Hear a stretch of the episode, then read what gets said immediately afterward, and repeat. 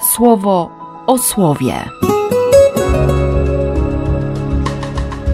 Rozważania księdza Grzegorza Mączki.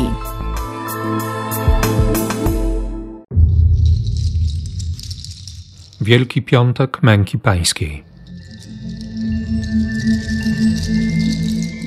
Z księgi Izajasza. On przyjął na swym ciele rany z powodu naszych nieprawości i liczne sińce z powodu naszych grzechów.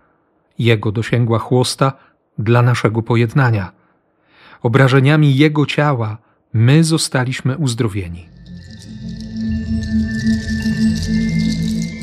Z Psalmu 31. W Twoje ręce składam moje tchnienie. Ty mnie wykupiłeś, Panie Boże prawdy. Z listu do Hebrajczyków. Śmiało podchodźmy do tronu łaski, aby dostąpić miłosierdzia i znaleźć łaskę odpowiedniej pomocy. Z Ewangelii według świętego Jana. Jezus, w pełni świadomy wszystkiego, co go czeka, wyszedł im naprzeciw i spytał: Kogo szukacie? Ci odpowiedzieli: Jezusa z Nazaretu. Wówczas on rzekł: To ja jestem. Judasz, ten, który go wydał, znajdował się pomiędzy Żydami. Ci, gdy usłyszeli: Ja jestem, cofnęli się i padli na ziemię. Tymczasem Jezus spytał ponownie: Kogo szukacie? A oni odpowiedzieli mu: Jezusa z Nazaretu. Wtedy Jezus rzekł: Przecież wam powiedziałem, że to ja.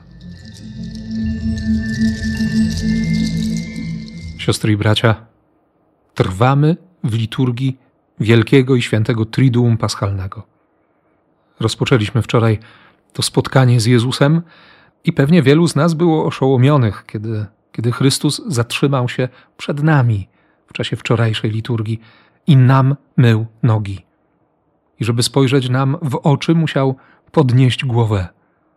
Później wielu z nas doświadczyło tej jedności sakramentalnej, kiedy przyjęliśmy Najświętsze Ciało i pewnie w wielu parafiach również najdroższą krew. Komunia Święta była rozdawana pod obydwoma postaciami. I na koniec tej wczorajszej części liturgii zamknęliśmy Jezusa, tak, zamknęliśmy Jezusa w miejscu przechowania, tak zwanej kaplicy adoracji lub tradycyjnie mówi się wtedy o ciemnicy. I na pewno wielu z nas również zostało na adoracji. W niektórych miejscach można było adorować całą noc. Niektóre kościoły zostały otwarte ponownie dziś rano. I to trwanie z Jezusem, to towarzyszenie Jezusowi pozwalało nam na, na umocnienie naszej przyjaźni, przyjaźni z Bogiem. Być z Nim teraz, kiedy jest Mu tak trudno, zresztą tego świadectwem jest również dzisiejszy post – jednocześnie uświadomić sobie, że On jest z nami w każdej chwili, kiedy nam jest trudno. I wreszcie docieramy do sedna tego dnia, którym jest liturgia męki pańskiej. I znów na początku tej liturgii otrzymujemy słowo. Bóg przychodzi do nas w czterech tekstach pisma. Najpierw ostatnie wersety 52 rozdziału proroctwa Izajasza i cały rozdział 53, później wybrane wersy z Psalmu 31, następnie list do Hebrajczyków, po trzy wersety z czwartego i piątego rozdziału i wreszcie opis męki Chrystusa w redakcji świętego Jana, rozdziały 18 i 19. Pierwszym słowem jest czwarta pieśń o słudze Pana – to najdłuższy z tych tekstów, które przedstawiają sługę Boga, sługę wiernego, sługę, którego Pan wybrał, powołał, przeznaczył i przeprowadził przez to wszystko, co było dla niego zbyt trudne, by liczył tylko na swoje siły. Dla mnie osobiście to najważniejsza z pieśni, bo widzimy kogoś, kto nie jest podobny do człowieka tak wielkiego oszpecenia doznał ze strony ludzi. Nie ma na nim urody, nie ma chwały, żadnej krasy ani piękna. Wygląd szpetny, bardziej ohydny niż u kogokolwiek z ludzi. Był jak jakiś człowiek pod chłostą. Wydawało się, że dźwiga jakąś chorobę, bo twarz jego była wykrzywiona. Był wzgardzony. Nie liczono się z nim. A tu nagle okazuje się, że on dźwiga nasze grzechy, że cierpi za nas, a to my uznaliśmy, że dręczy go utrudzenie, jakieś bóle chłosty albo nieszczęśliwa choroba. On przyjął na swym ciele rany z powodu naszych nieprawości i liczne sińce z powodu naszych grzechów. Jego dosięgła chłosta dla naszego pojednania. Obrażeniami Jego ciała my zostaliśmy uzdrowieni. W tłumaczeniu Biblii Tysiąclecia usłyszymy: W Jego ranach jest nasze zdrowie. Oczywiście ten tekst to proroctwo o Chrystusie. Wszyscy, którzy patrzyli na Jezusa w czasie Jego męki, mogli sobie przypomnieć, o ile tylko chcieli, właśnie czwartą z pieśni o słudze Pana i, i mieli wypełnienie tego słowa przed swoimi oczami. Ale widzimy też, że, że ta pieśń niesie w sobie ogromny ładunek nadziei, że sługa Boga zwycięży, że Bóg objawi zwycięstwo w swoim słudze. W nas nie wywołuje to większego zdziwienia, bo doskonale wiemy, jak skończą się te święta. Ale myślę, że warto dziś zadać sobie pytanie, spoglądając w swoje serce, patrząc niejako w lustro na samego siebie. Warto siebie zapytać, czy mam nadzieję? Gdzie jest moja nadzieja? Jak patrzę na swoje życie, jak patrzę na swoją przyszłość? Gdzie szukam pocieszenia? Czy przypadkiem nie zdarza mi się powiedzieć Bogu, że, że On nie rozumie mojego cierpienia, że On nie wie, jak to jest, że nikt nigdy nie doświadczał tego, czego ja doświadczam?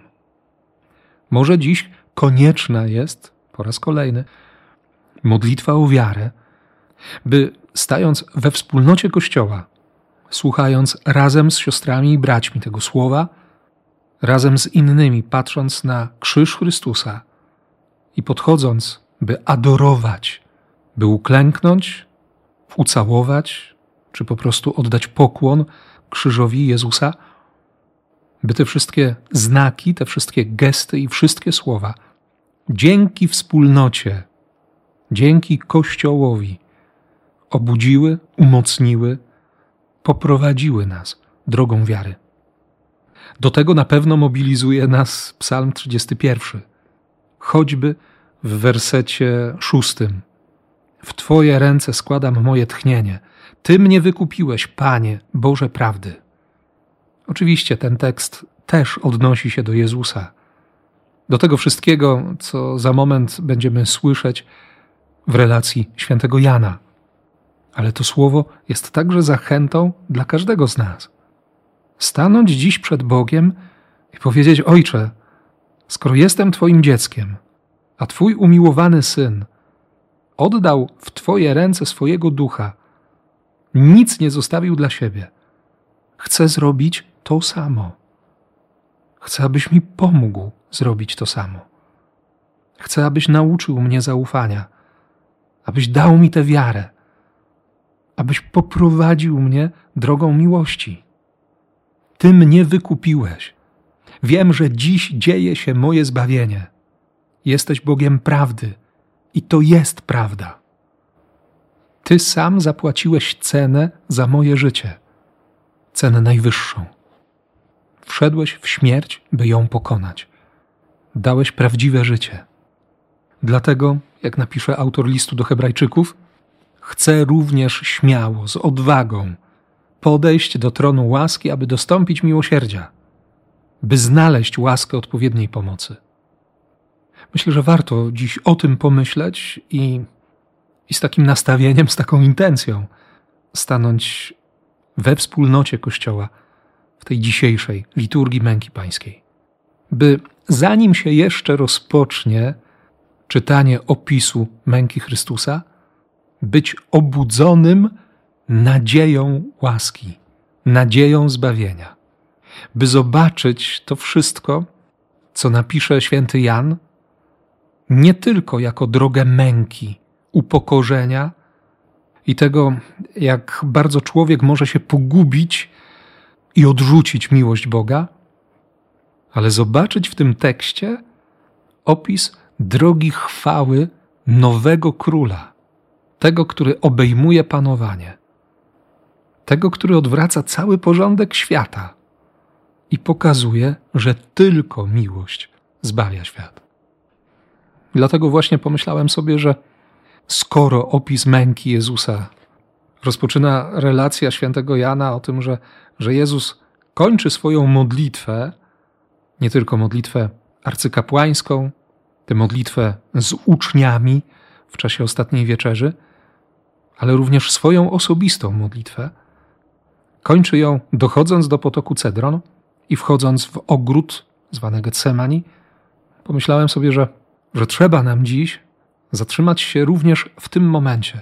W tej chwili, kiedy, kiedy Judasz z oddziałem rzymskich żołnierzy, strażnikami świątynnymi i pachołkami faryzeuszy pojawia się, by pojmać Jezusa. Ten wychodzi im naprzeciw i pyta: Kogo szukacie? Jezusa z Nazaretu. To ja jestem. Wszyscy cofnęli się i padli na ziemię. Tak jakby mimowolnie zostali powaleni mocą tego imienia, którym się Jezus przedstawia.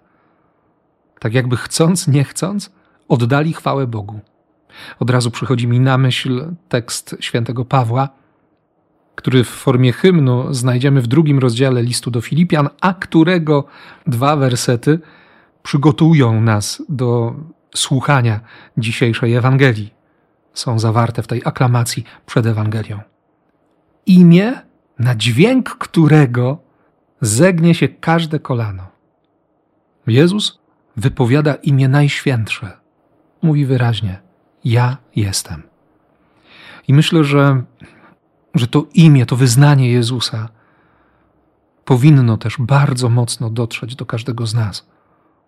Byśmy, mając z tyłu głowy albo, albo mocno w uszach tę odpowiedź Jezusa, słuchali tego wszystkiego, co, co później dotrze już do naszych uszu, całego opisu męki.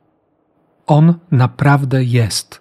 On jest miłością, jest pokojem, jest nadzieją, jest zbawieniem, jest dla nas, jest teraz, jest tutaj.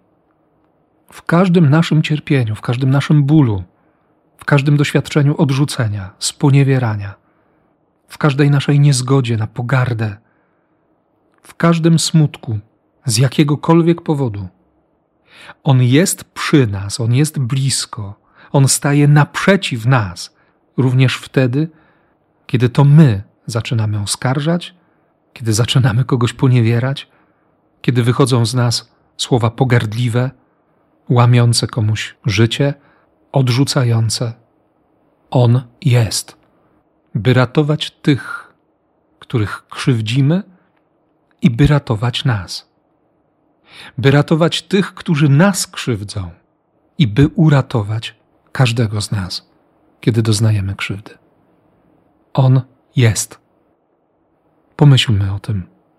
I patrząc na krzyż, na miejsce naszego zbawienia, na miejsce objawienia miłości, na to drzewo, które nie będzie ani ostatnim słowem Boga, ani ostatnim słowem człowieka. Pomyślmy o tym, co możemy jeszcze powiedzieć. Bo Bóg powie, że kocha i że Jego miłość jest mocniejsza od śmierci. My jesteśmy wezwani do tego, żeby, żeby odpowiedzieć, żeby jeszcze raz ucieszyć się tą miłością, żeby uwierzyć, że nie śmierć, a życie jest naszą przyszłością. I niech tak się stanie. Amen. Słowo o słowie.